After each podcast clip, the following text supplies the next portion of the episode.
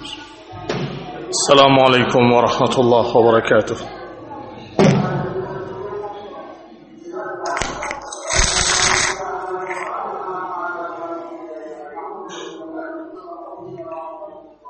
إن الحمد لله نحمده ونستعينه ونستغفره ونعوذ بالله من شرور أنفسنا ومن سيئات أعمالنا من يهده الله فلا مضل له ومن يضلل فلا هادي له وأشهد أن لا إله إلا الله وحده لا شريك له وأشهد أن محمدا عبده ورسوله صلى الله عليه وعلى آله وأصحابه والتابعين وتابع التابعين ومن تبعهم بإحسان إلى يوم الدين. يا أيها الذين آمنوا اتقوا الله حق تقاته ولا تموتن إلا وأنتم مسلمون. يا أيها الناس اتقوا ربكم الذي خلقكم من نفس واحدة وخلق منها زوجها وبث منهما رجالا كثيرا ونساء. واتقوا الله الذي تساءلون به والأرحام. إن الله كان عليكم رقيبا. يا أيها الذين آمنوا اتقوا الله وقولوا قولا سديدا. يصلح لكم أعمالكم ويغفر لكم ذنوبكم ومن يطع الله ورسوله فقد فاز فوزا عظيما. أما بعد فإن خير الحديث كتاب الله وخير الهدي هدي محمد صلى الله عليه وعلى آله وسلم وشر الأمور محدثاتها. فإن كل محدثة بدعة وكل بدعة ضلالة وكل ضلالة في النار. إخواني في الدين أعزكم الله. كمسلمين سيدا جبيا بربهاجيا الحمد لله كذا بشكر بدأ الله سبحانه وتعالى من جدي مسلمين مؤمنين Orang-orang yang beriman kepada Allah dan Rasulnya. Beriman kepada hari akhir, beriman pada hari perhitungan, yaumul hisab. Alhamdulillah kita menjadi orang yang dibimbing oleh Allah Subhanahu wa taala dengan hidayahnya dengan agamanya dan syariatnya agama yang mulia syariat yang sempurna yang diajarkan melalui utusannya rasulnya nabi kita Nabi Muhammad sallallahu alaihi wa ala alihi wasallam kaum muslimin sedang jumpa yang berbahagia ini kenikmatan yang harus disyukuri. Betapa banyak mereka-mereka yang tidak mendapatkan bimbingan hidayah ke dalam Islam. Betapa banyak mereka-mereka yang dalam keadaan gak kenal agama yang sempurna ini. Agama yang penuh rahmat. Agama yang penuh kasih sayang. Agama yang membimbing kita untuk mendapatkan kebahagiaan di dunia dan di akhirat. Kau muslimin yang saya hormati.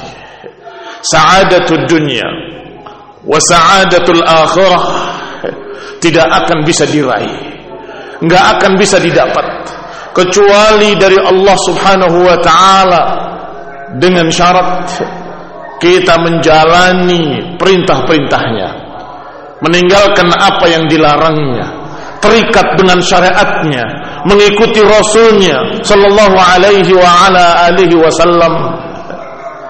Beberapa manusia memandang terbalik mengira bahwa agama ini memberatkan agama ini menyiksa agama ini menjadikan kita susah. Wallahi orang ini tidak bisa memandang dengan pandangan yang benar berarti mereka tidak bisa melihat dengan kacamata yang benar. Padahal Allah Subhanahu wa taala berfirman Taha ma anzalna 'alaikal qur'ana litashqa. Taha kata Allah kami tidak menurunkan Al-Quran ini pada kalian litasqa agar kalian sengsara. Tidak. Semua perintah-perintah Allah memiliki hikmah memiliki berbagai macam faedah-faedah dunia sebelum faedah akhirat dan semua yang dilarangnya adalah perkara-perkara yang berbahaya. Perkara-perkara yang akan merusak. Ikhwani fid din a'azakumullah. Kaum muslimin yang saya hormati. Sudah dibuktikan oleh sekian banyak manusia dalam kenyataan hidup di dunia bahwa ternyata harta tidak bisa membawa kebahagiaan ternyata kekayaan gak bisa membawa ketentraman. Ternyata dunia tidak menjamin. Dan itu dibuktikan oleh sekian banyak orang. Orang yang bergelimang harta mati dalam keadaan bunuh diri. Orang yang bergelimang dunia ternyata dia tidak merasakan ketentraman. Tetapi seseorang yang sederhana karena terbimbing dengan keimanan pada Allah Subhanahu wa taala maka hatinya tentram hatinya tenang dan dia dalam keadaan merasakan dirinya orang yang paling berbahagia. Kaum muslim yang saya hormati. Maka kebahagiaan itu Allah berikan. Ketentraman Allah berikan kepada orang-orang mukmin. Kalau saja orang-orang kafir mengetahui ketentraman yang ada di hati-hati muslimin kalau saja orang-orang kafir itu mengetahui kebahagiaan dan ketentraman yang ada di dalam jiwa-jiwa umat Islam, niscaya mereka akan merebutnya, akan merampasnya kalau bisa. Bahkan mereka siap membelinya dengan apa pun yang mereka punya. Bersyukurlah pada Allah Subhanahu wa taala. Wadhkuru ni'matallahi 'alaikum إذ كنتم أعداء فألف بين قلوبكم فأصبحتم بنعمته إخوانا salah satu contoh saja nikmah al-ukhuwah Allah Subhanahu wa taala menyatakan ingatlah nikmat Allah atas kalian yang kalian dulunya bertikai berperang bermusuh-musuhan fa asbahtum bi ni'matihi ikhwana ternyata kalian dengan kenikmatan dari Allah menjadi bersaudara. Wa kuntum ala syafa hufratin minan nari fa anqadakum minha. Dan kalian tadinya di pinggir jurang neraka, kemudian kami selamatkan kalian daripadanya. Ini juga kenikmatan yang besar di akhirat. Khonibrinazakumullah. Bini'matihi ay bini'matil Islam. Yang tadinya di zaman jahiliyah mereka hidup dengan kesukuan, saling bertikai, saling berperang, mereka hidup dalam keadaan liar, tidak terpimpin. Mereka hidup dalam keadaan tidak memiliki aturan, tidak memiliki pemimpin. Mereka dalam keadaan liar, saling membunuh, saling menumpahkan darah. Mereka berpedoman, tolong sukumu, saudaramu, benar ataupun salah. Pokoknya kalau dari sukunya harus dibela. Maka terjadilah peperangan yang hampir 100 tahun hanya karena perkara sepele. Kaum muslimin yang saya hormati. Ternyata ketika mereka menjadi muslimin, mereka merasakan kenikmatan ukhuwah. Fa asbahtum bi ni'matihi ikhwana. Maka kalian menjadi dengan kenikmatan dari Allah menjadi bersaudara.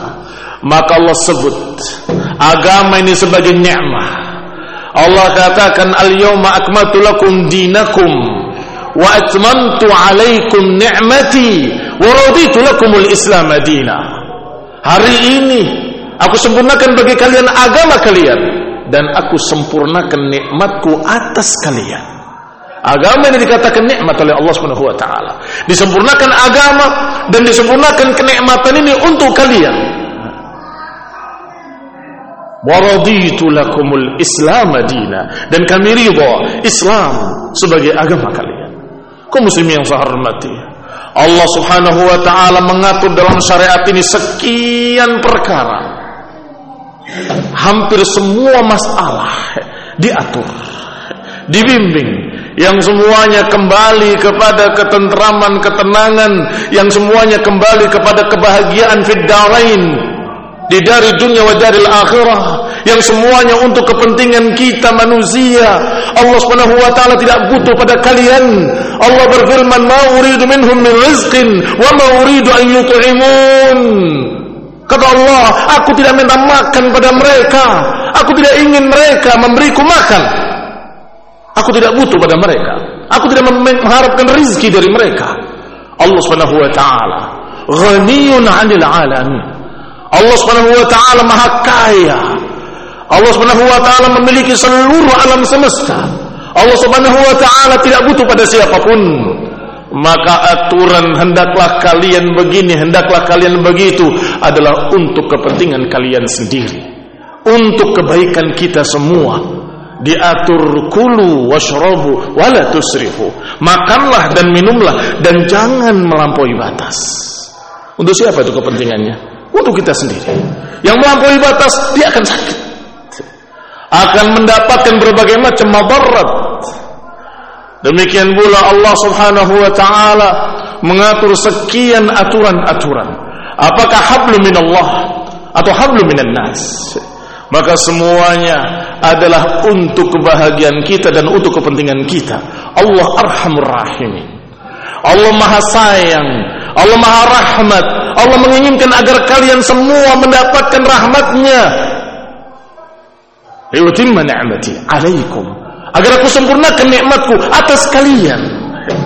Yuridu bikumul yusra wala yuridu bikumul usr Allah menginginkan kemudahan buat kalian. Allah tidak menginginkan kesusahan. Berapa ayat yang demikian maka Rasulullah SAW menyatakan inna hadha din yusrun agama ini mudah dan dikatakan pula bahwa Rasulullah SAW diutus juga sebagai rahmat. Wa ma arsalnaka illa rahmatan lil alamin. Tidak kami utus engkau kecuali sebagai rahmat bagi seluruh alam. Kaum muslimin yang saya hormati. Hablum minallah diajarkan agar kita terus berhubungan dengan Allah Subhanahu wa taala dengan ibadah dengan salat kita, dengan puasa kita, dengan haji, dengan berbagai macam zikir dan ibadah-ibadah yang berkait dengan ibadah mahbah. Agar kita selalu dekat dengan Allah Subhanahu wa taala. Agar kita selalu terikat dengan perintah-perintah Allah. Agar kita selalu terikat dengan syariat dari Allah Subhanahu wa taala. Tetapi juga tidak diabaikan hablun minan nas diajarkan bagaimana kita berakhlak kepada tetangga. Bagaimana kita berakhlak kepada tamu. Bagaimana kita berakhlak pada kedua orang tua. Bagaimana kita bersikap pada penguasa. Bagaimana kita bersikap kepada kaum muslimin. Dan bagaimana kita bersikap pada orang-orang kafir. Orang kafir yang dhimmi bagaimana kita sikapi? Orang kafir yang harbi bagaimana kita sikapi Orang kafir yang meminta perlindungan di tengah-tengah kaum muslimin, bagaimana kita sikapi? Semuanya diatur dalam agama yang sempurna ini, yang lengkap. Untuk apa? Untuk menjadikan kalian tetap dalam keadaan baik di dalam rahmat Allah Subhanahu wa taala.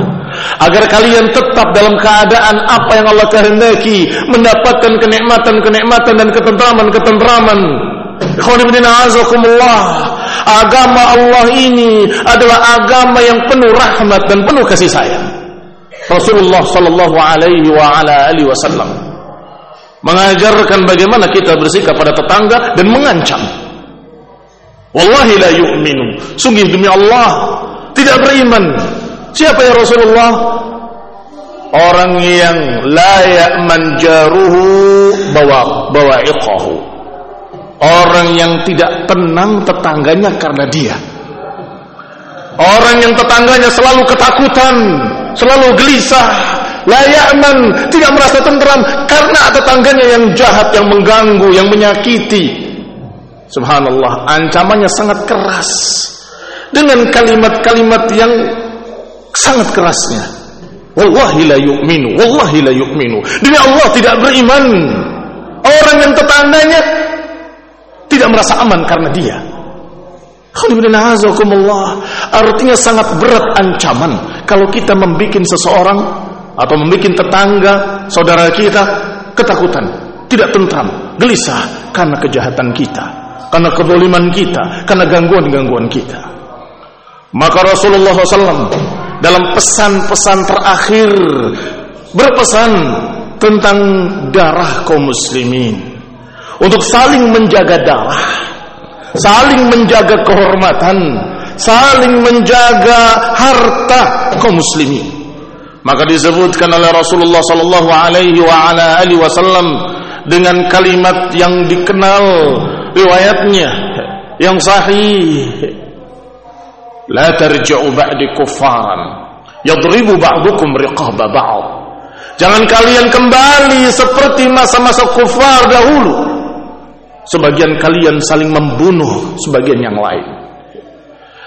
Atau dalam kalimat berikutnya Nabi menyatakan inna dima'akum wa aradakum wa amwalakum haramun alaikum ka hurmati yaumikum hadha fi syahrikum hadha fi baladikum hadha. Ketahuilah bahwa darah kalian harta kalian kehormatan kalian suci seperti sucinya hari ini di bulan ini di negeri ini kaum muslimin yang saya hormati maknanya suci adalah jangan dilanggar Maknanya suci adalah jangan ditumpahkan darah, jangan dijatuhkan kehormatan sesama muslim, jangan pula merampas harta orang lain dengan zalim.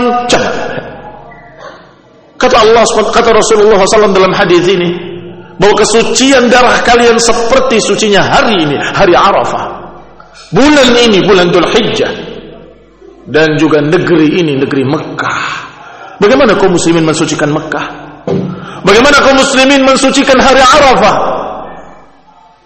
Maka kaum muslimin yang saya hormati, hendaklah kalian saling menjaga darah kaum muslimin, saling menjaga harta kaum muslimin, saling menjaga kehormatan kaum muslimin. Ini semua barakallahu fikum kalau dipegang oleh umat Islam maka akan tentram, akan aman negeri ini, akan barakah, akan turun barakat minas sama'i wal ard, akan turun barakah dari langit dan dari bumi.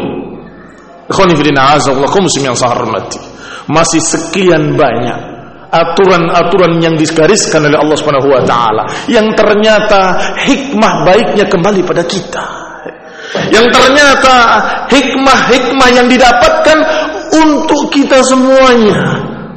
Kita menjadi tentram, kita menjadi aman, kita menjadi barakah, kita menjadi semua karena aturan-aturan tadi. Toha, ma anzalna 'alaikal qur'ana litashqa. Sekali lagi kita ingatkan dengan ayat ini. Taha. Allah tidak menurunkan Al-Quran kepada kalian untuk menyusahkan. Tidak. Tapi untuk menenteramkan kalian. Untuk membuat kalian aman. Untuk membuat kalian jadi baik. Untuk membuat kita semuanya mendapatkan rahmat. Sa'adatul wa sa'adatul akhirah. Kita ingat bahwa apa yang Allah berikan pada kita apa yang Allah gariskan pada kita, apa yang Allah turunkan dari syariat ini tidak ada sedikit pun yang menjelekkan kita. Semuanya adalah untuk ketentraman dan kebaikan kita kaum muslimin, bahkan umat seluruhnya. Karena disebutkan pada ayat yang tadi rahmatan lil alamin. Apa makna rahmatan lil alamin? Rahmat bagi seluruh alam. Apakah orang-orang yang selain Islam juga mendapatkan rahmat itu? Dalam masalah dunia mereka mendapatkan kesempatan. Artinya barakallahu fikum sebagaimana tafsir dari Ibn Abbas radhiyallahu taala anhu bahwasanya dulu turun adab merata habis kaum 'Ad, habis kaum Samud, habis kaum Nuh ditenggelamkan tetapi di zaman Rasulullah wasallam Rasulullah SAW berdoa kepada Allah agar jangan mengadab mereka bi'ammah. Jangan mengadab mereka secara merata. Dan dikabulkan oleh Allah SWT. Apa hikmahnya? Hikmahnya rahmat dalam bentuk kesempatan buat mereka. Sebagian diadab, sebagian tidak diadab. Lihatlah mereka-mereka yang diadab. La'allahum yarji'un agar mereka mau kembali, agar mereka mau bertaubat, agar mereka mau masuk Islam. Khonibina azakumullah muslim yang saya hormati. Walanudziqannahum minal adzabil adna dunal adzabil akbar la'allahum yarji'un agar mereka mau kembali. Rasulullah SAW dalam keadaan beliau disakiti, disakiti hatinya dan disakiti pula badannya, dilempari oleh mereka, dihinakan, dilecehkan. Tetapi ketika datang malakul jibal menyatakan kepadanya, "Ya Rasulullah, aku diutus oleh Allah Subhanahu wa taala untuk mentaati engkau. Kalau engkau inginkan, aku timpakan mereka dengan dua gunung batu itu aku akan timpakan pada mereka. Apa jawaban Rasulullah SAW? Tidak menyatakan hancurkan mereka semuanya, tidak. Tapi menyatakan dengan kalimat bal arju min aslabihim man ya'budullah. Bahkan aku berharap dari turunan mereka akan ada yang mau beribadah pada Allah. Ini rahmat. Masih diberi kesempatan dan masih didoakan Allah mahdihim fa innahum la ya'lamun. Ya Allah berilah hidayah pada mereka, mereka belum paham. Maka mereka yang tidak mengganggu muslimin, mereka yang tidak menyerang muslimin, mereka yang tidak menghalangi dan tidak menentang dibiarkan. Sampai mereka mengenal Islam dari dekat. Sampai mereka mengenal Islam lebih dekat lagi dan kemudian tertarik dan masuk Islam. Itu diharapkan. Maka ini khonibina azakum rahmatan lil alamin. Rahmat bagi seluruh alam. Semuanya mendapatkan rahmat. Dengan adanya Rasulullah SAW yang diutus oleh Allah Subhanahu wa taala dengan diturunkannya agama yang sempurna أعظمها إسلام. نسأل التوفيق والعافية. ونسأل الهداية والرحمة وصلى الله محمد وعلى آله وأصحابه وسلم تسليما كثيرا.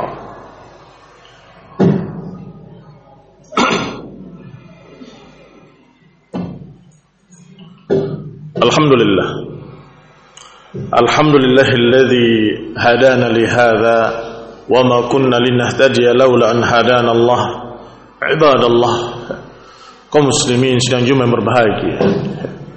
Di antara bentuk rahmat yang ditunjukkan oleh Rasulullah sallallahu alaihi wa ala alihi wasallam adalah ketika beberapa suku yang tidak mau masuk Islam dilaporkan kepada Rasulullah sallallahu oleh seorang sahabat Tufail ad-Dausi radhiyallahu taala anhu. Ya Rasulullah suku Daus menolak agama ini menentang agama ini.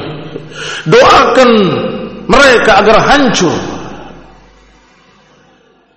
Rasulullah SAW mengangkat tangannya ke langit dan berdoa kepada Allah Subhanahu wa taala maka para sahabat yang ada berkata hancur Daus hancur Daus karena doa Rasulullah SAW dikabulkan Ternyata Rasulullah SAW tidak mendoakan kejelekan, tetapi mendoakan kebaikan. Allahumma hdi dausan wa'ti bihim.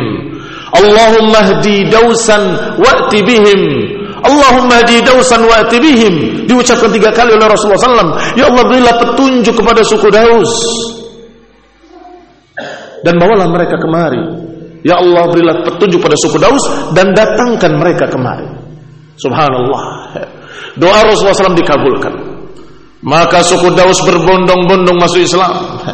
Kau muslimin yang saya hormati, kalau kita memiliki satu doa, apakah akan doa menghancurkan mereka atau doa memberikan hidayah pada mereka? Kalau engkau punya rahmat, pasti akan berdoa Allahumma hadihim. Ya Allah berilah petunjuk pada mereka agar mereka dapat hidayah. Kalian diinginkan adalah hidayah tenas. Kalian diinginkan adalah bagaimana membimbing umat seluruhnya. Rasulullah Shallallahu Alaihi Wasallam menggambarkan dengan permisalan. Kata beliau, "Mathali wa mathalu ummat." Permisalanku dengan permisalan umatku adalah seperti rajul istauqada nara, seperti seseorang yang menyalakan api. Faja'al al-farash wadawab yaqa'na fi tiba-tiba serangga-serangga belalang segala macam binatang-binatang kecil mendekati api itu masuk ke dalam api. Maka dihalangi oleh orang tadi agar jangan masuk dalam api. Ternyata serangga-serangga tadi tetap memaksa untuk masuk dalam api. Maka kata Nabi demikianlah permisalanku dengan kalian. Ana akhud bihujazikum wa antum tatafallatuna minni. Aku berupaya memegang pakaian kalian baju kalian. Jangan jangan. Tetapi kalian memaksa menghindar dariku dan masuk ke dalam api Tergambarkah bagaimana keadaan Rasulullah? Tergambarkah bagaimana keadaan Rasulullah SAW sebagai da'i yang mengajak kepada hidayah, yang mengajak kepada Allah, berharap agar mereka jangan masuk ke dalam api, berharap agar mereka jangan diadab. Rasulullah SAW berdiri di hadapan kaumnya, keluarganya, familinya, sukunya. Apa yang dikatakan? Undirukum baina yaday adabin syadid. Aku peringatkan kalian dari bahaya adab yang pedih. Ini musyrikin yang dihadapi. Diharapkan agar mereka selamat dari adab. Aku peringatkan kalian dari bahaya besar. Bahaya adab adab neraka. Tetapi mereka menentang.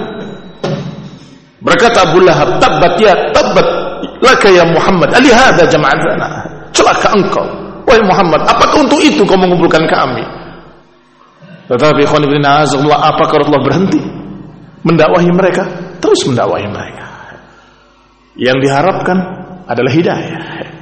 Yang diharapkan adalah hidayah. Bagaimana ketika mereka memerangi?